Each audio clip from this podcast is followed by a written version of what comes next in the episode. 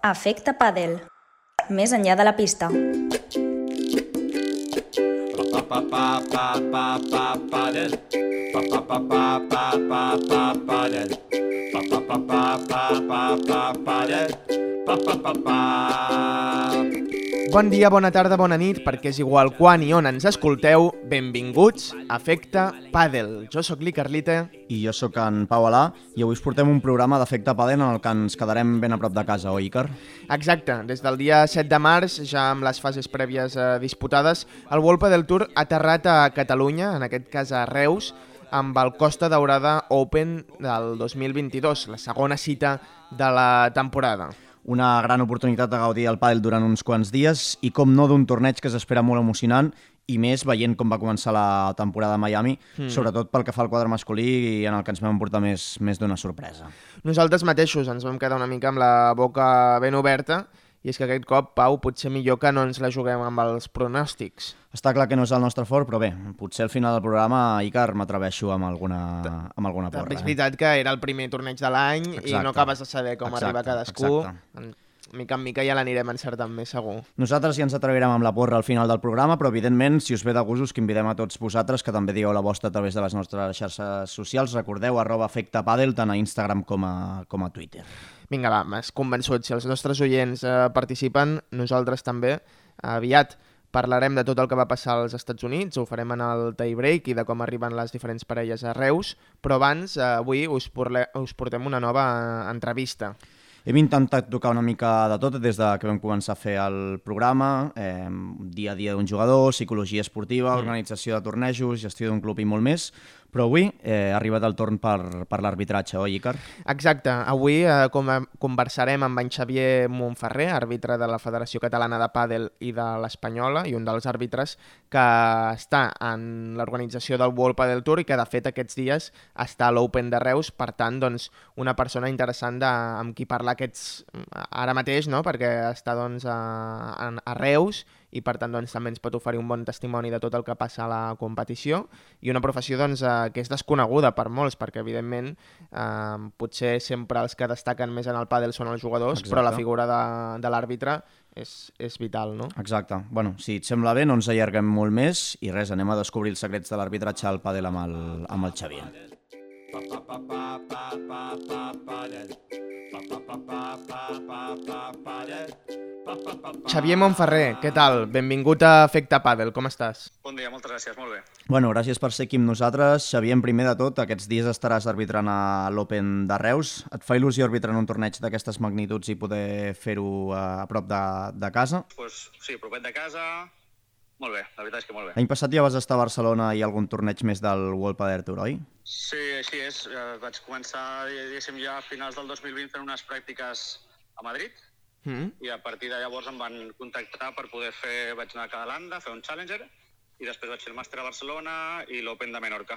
I aquest any eh, ja tens previsió de... T'han dit quins altres eh, Opens o tornejos et tocarà arbitrar de World Padel Tour o, o com te Eh, n'informen? De moment, no, de moment només tinc previsió d'aquest i a poc a poc ens van designant. De moment, doncs, els propers mesos només tinc aquest. Com vas entrar al món de, de l'arbitratge i si vas necessitar fer alguna formació o alguna cosa per ser àrbitre de, de pàdel? Bueno, a mi el tema de l'arbitratge em ve una mica de vocació. Jo ja, abans de ficar-me al món del pàdel, era àrbitre de futbol, i a partir d'aquí doncs, vaig introduir-me al món del pàdel eh, com a jugador, després com a entrenador, i al final em va picar també la curiositat pel món de l'arbitratge, i vaig contactar amb la federació, la federació feien uns curs d'arbitratge, m'hi vaig apuntar i la veritat és que quan em van donar la plaça doncs em va fer molta il·lusió i a partir d'aquí doncs endavant amb els tornejos i anar fent. La Federació Catalana, entenc, o l'Espanyola. Correcte. Sí, no, no, vaig entrar a través de la catalana. I a partir de la catalana ja has pogut accedir a les altres competicions. Sí, amb el fet de fer el curs de la catalana, després ens van convalidar a través d'un altre examen el títol de l'espanyola i, i res, a partir d'aquí doncs, estem parlant de fin- mitjans del 2020, vaig contactar en el torneig de Barberà, que van venir a fer el World Padel Tour aquí a Barcelona, vaig contactar amb ells, em vaig posar en contacte, ja ens coneixíem de quan havia fet el curs de l'Espanyola i, i res, es van posar en contacte posteriorment amb ells per, per fer les pràctiques i poder ja després contactar per anar treballant. Uh, deies que és bastant vocacional, que havies començat pel, pel futbol. En aquest cas uh, no es pot comparar un esport amb l'altre perquè són totalment diferents, però sí que pel que fa doncs, a la figura de l'àrbitre, uh, potser la gran diferència és que el pàdel és un esport bastant més tranquil a nivell de protestes i tal de, de l'aficionat, no? Sí. O del mateix jugador. Bastant. Sí, sobretot els jugadors i sobretot de lo que és el públic. Clar. Però bueno, tot és diferent, tot té la seva gràcia, tot té la seva emoció. Al final, la figura de l'àrbitre serà criticada Hmm. i no estarà ben vista, tot i que en el món del pàdel està bastant, hi ha bastant de respecte. I pel que fa amb jugadors, com és la relació amb, amb tots els jugadors i jugadores? I també si us comuniqueu molt amb ells durant els partits o, o no? Sí, sí, sí, els jugadors mm, normalment sempre hi ha alguna possible discussió, sempre és a nivell d'un punt. Quan s'acaba el punt eh, i fora de pista, la veritat és que el bon rotllo és bastant abundant. És més una relació professional, però sí, sí cordial, i, i sí, sí, amb alguns més i amb altres menys, però és bàsicament de coincidir en molts tornejos. Coincideixes amb catalana, coincideixes amb molts que són entrenadors quan estàs amb menors, eh, coincideixes amb jugadors també aquí World Padel Tour, al final sempre som els mateixos. I, per exemple, compagines eh, a l'arbitratge amb alguna altra feina? S'ha de compaginar, eh, soc monitor en un club, gestiono allà lliga, gestiono grups de WhatsApp i ho compatibilitzo, la veritat és que molt bé, amb moltes facilitats pel tema d'arbitratge, tant a nivell de tornejos a catalana, que t'ocupen una setmana, i a nivell de World Padel Tour, que doncs, mira, jo, per exemple, aquí porto des de dissabte al matí fins dijous nit. Clar, Llavors deixo de treballar a la meva feina per poder fer això. clar, clar, tu has de poder compaginar bé. I en aquest cas, um, dius que jugues també a, a pàdel, que ets, que ets monitor. Um, Sí. Quina diferència hi ha a l'hora de, de veure el joc des de dins uh, quan ho fas des de, des de fora? Bueno, jo intento separar el rol eh, de quan sóc jugador a quan sóc àrbitre i intento ficar-me a la pell d'un jugador i oblidar-me de normativa, simplement aplicar-la com a jugador i el que m'interessa a l'hora de pista. I des de fora, doncs, entendre el jugador i intentar doncs, controlar-los i aplicar el reglament en quan toca.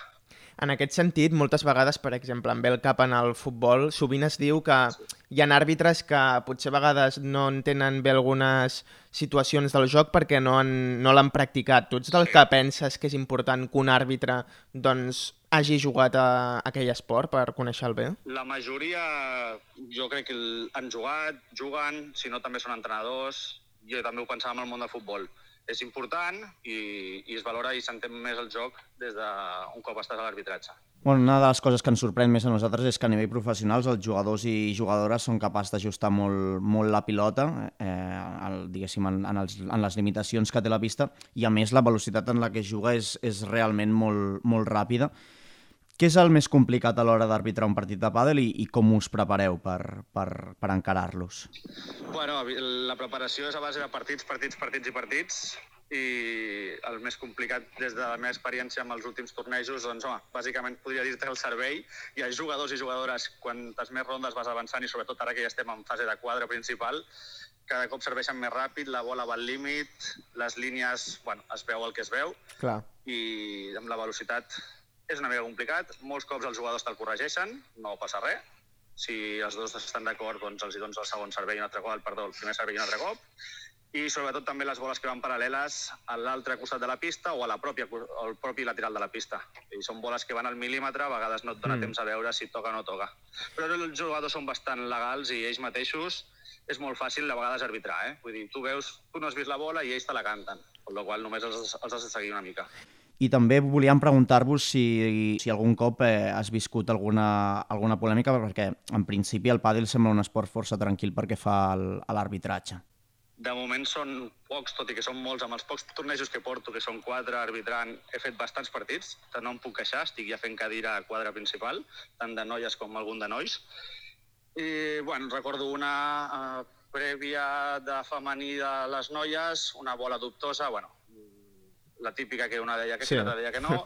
Estava jo allà passiu, quan pregunten, normalment estem, a lo que són prèvies i prepèvies, estem passius, donant voltes per pistes, quan hi ha alguna polèmica en una pista aguantem allà una estona, i una bola que en aquest cas eren les gemeles, deien que era dolenta i va tocar dir que era bona. Mm. res, va haver uns segons de murmullo i ja està, res. Després els jugadors accepten, més tard o més d'hora acaben acceptant i segueixen jugant i ja està. Dins del circuit català o espanyol o del mateix World Padel Tour, quines, quines eines teniu que, que us ajuden a fer la, la vostra feina?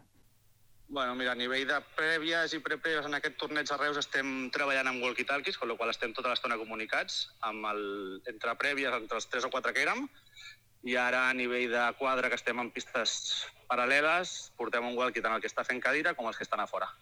Llavors, si hi ha alguna incidència o alguna cosa, estem al segon connectats. Perquè els de fora de què t'informen en aquest cas, per exemple? No, si necessita algú el company o si necessita algú que haguem de, de donar-li suport.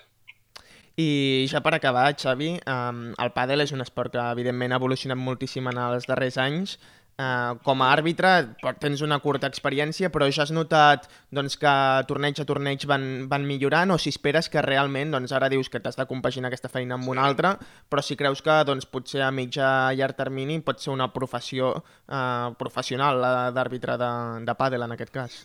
Bueno, la veritat és que el nivell està pujant molt. Ja et dic, jo a catalana estic veient menors que pugen fortíssims, adults, i veus que els menors comencen ja a ficar el cap a quadros d'adults, tant nois com noies, i aquests mateixos menors els estàs començant a veure per World del Tour, tant els catalans com els no catalans. I el nivell dels nanos és molt alt, molt alt. Estan molt ben treballats i, i pujaran el nivell, ja l'han pujat respecte als últims anys. Ja dic, jo vaig començar a 2018 a arbitrar i amb aquests quatre anys realment ja hi veus un increment de nivell i seguirà pujant, seguirà pujant. I pel que fa a la professió de l'arbitratge, creus que també doncs, cada vegada s'anirà millorant? Esperem, home, seria, seria, serà interessant. Serà interessant, el que també implicarà molts viatges, molts desplaçaments, però bueno, de moment anirem compaginant mentre sigui necessari o possible i si en algun moment toca decidir, doncs enfocar-ho cap a... Ara mateix cap a l'arbitratge. Ja et dic que en el seu dia jo m'havia orientat al futbol, tant com a entrenador com a àrbitre.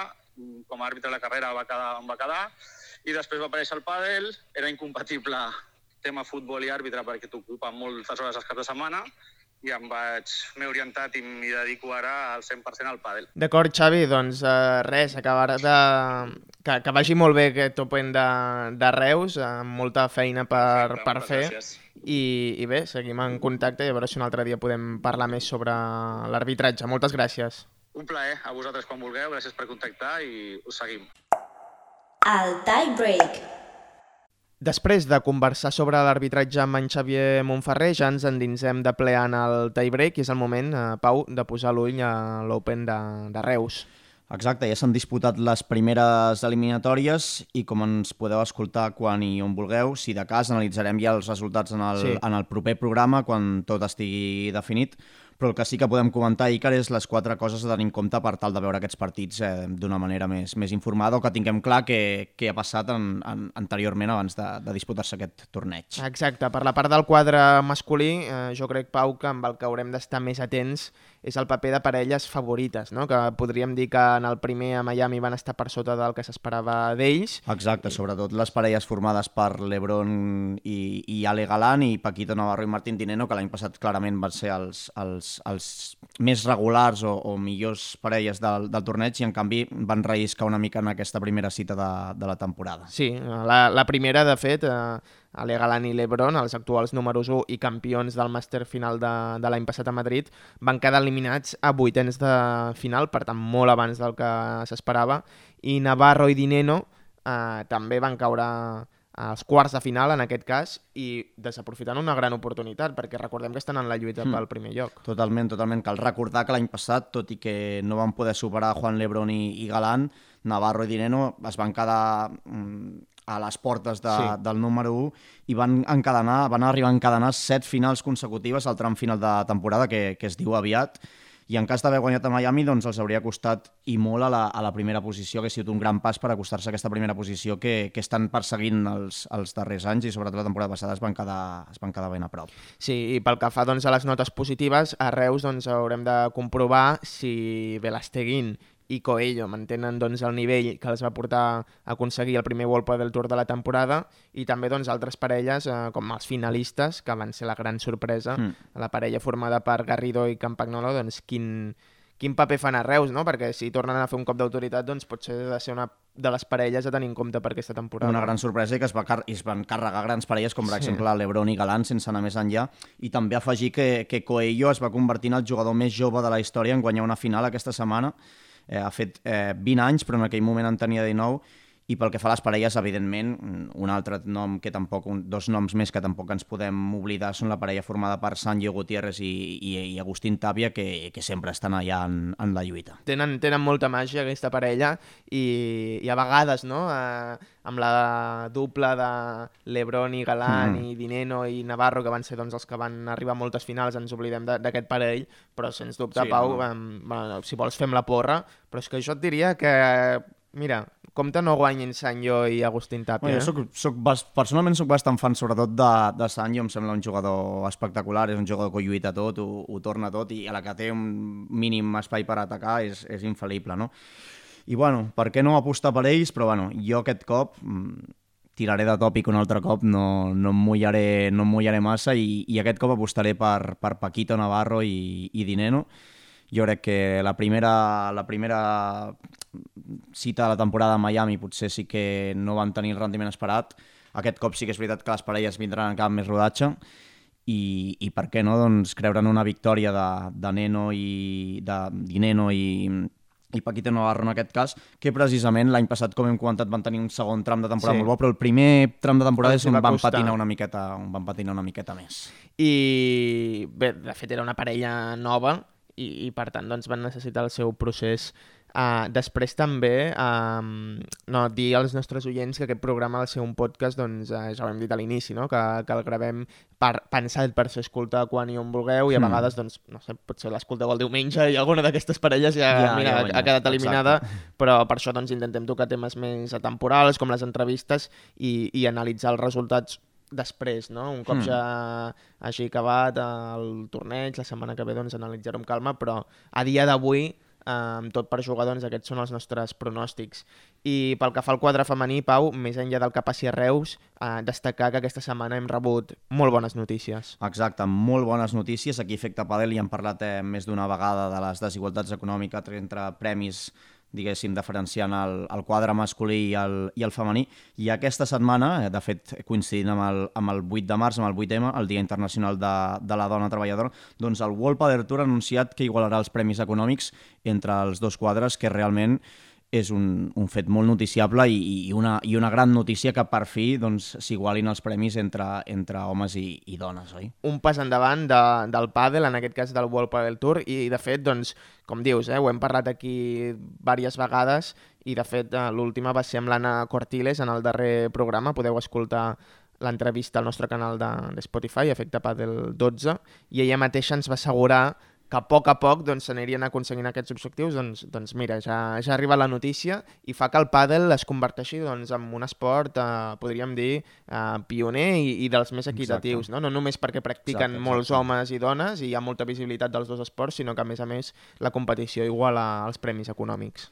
Bueno, si això és una gran notícia, però ens centrem, si et sembla, Icar, un altre Sí. cop en, en Reus, en aquest cas parlant de la categoria femenina, abans ho hem fet parlant de la masculina, i potser la notícia és si a la final serà la mateixa de Miami o no. Mm, hi ha dos parelles que l'any passat ja van demostrar una hegemonia bastant gran, que són la formada per Gemma Trià i, i Ale Salazar, que precisament són les que van guanyar als Estats Units, i Ari Sánchez i, i Paula José María, o si veurem si hi ha alguna sorpresa o no. Exacte, són les dues parelles que ara mateix doncs, eh, dominen en absolut el World Padel Tour, bastant per sobre de les altres, es, es nota molt a la pista, i Triay i Salazar en aquest cas doncs, es van reforçar en el primer lloc del, del rànquing. Podríem dir que aquestes dues parelles estan per sobre de, de totes, però a més a més Triay i Salazar encara estan un pas més endavant de, de la catalana Ari Sánchez i, i Paula José María, i de fet amb la victòria de Miami les va situar 1.570 punts per sobre, per tant encara amb un bon coixí en el primer lloc del rànquing. Molt bona manera de començar, però bueno, també és veritat que Ari Sánchez en aquest cas pot tenir una motivació extra, Sí. sí. ja que hi juga a casa seva, ella, ella és de Reus, i de fet durant aquests dies ja s'ha pogut veure una pancarta enorme al centre de la ciutat donant suport a la, a la jugadora. Fot-li que ets de Reus, deia la pancarta, per tant, la ciutat eh, mobilitzada amb la seva jugadora referència del I tot, I tot i ser ella de Reus, també és veritat que hi ha molts jugadors i Sí. jugadores eh, que entrenen o, o viuen a, a Catalunya i que, per tant, doncs, eh, en aquest torneig se sentiran com a, com a casa. Ens ho deia l'Anna Cortiles també en el darrer programa, que jugar a casa doncs, sempre és una motivació extra i és que tampoc ens podem oblidar no? de, de la parella formada per, per ella, per l'Anna i per la Xènia Clasca, que doncs, les dues són catalanes, estaran segur motivadíssimes i en el primer torneig, eh, de fet, l'Anna Cortiles es va convertir en la jugadora que va escalar més posicions en el rànquing amb un total de 7 llocs, Mm. situant-se al número 37, tot i que també és veritat, Pau, que ens va comentar que hi ha gent que es posa una mica nerviós no, jugar a casa.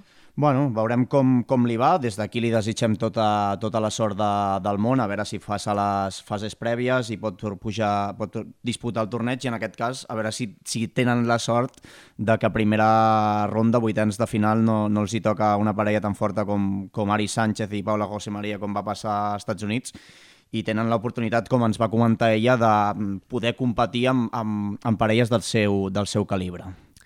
Què? Fem porra també de Vinga, va, les també. noies? Comença tu, va. Va, Jo, jo, mira, crec que, que pot ser una motivació extra i que Ariadna Sánchez i Paula José María s'emportaran el, el torneig de l'Open de Reus. Bueno, ara semblarà que et copiï, però la veritat és que no, anava a dir el mateix. Eh, L'Ari Sánchez juga a casa, tindrà el suport total de, del públic i, i jo crec que és un al·licient extra que li pot acabar donant aquest plus per acabar superant a, a Trià i Salazar, que realment es van mostrar molt fortes a, a Miami. Haurem d'estar atents a tot el que passi aquesta setmana a Reus. Nosaltres, Pau, ho deixem aquí i la setmana que ve doncs, ja ho comentarem en el proper programa. Exacte, exacte. Ens retrobem aviat, aquí, amb noves històries, més enllà de la pista, Efecte Pàdel. Pa, pa, pa, pa, pàdel. Pa, pa, pa, pa, pa, pa, pàdel. Pa, pa, pa, pa, pa, pa, pa, pàdel. Pa, pa, pa, pa.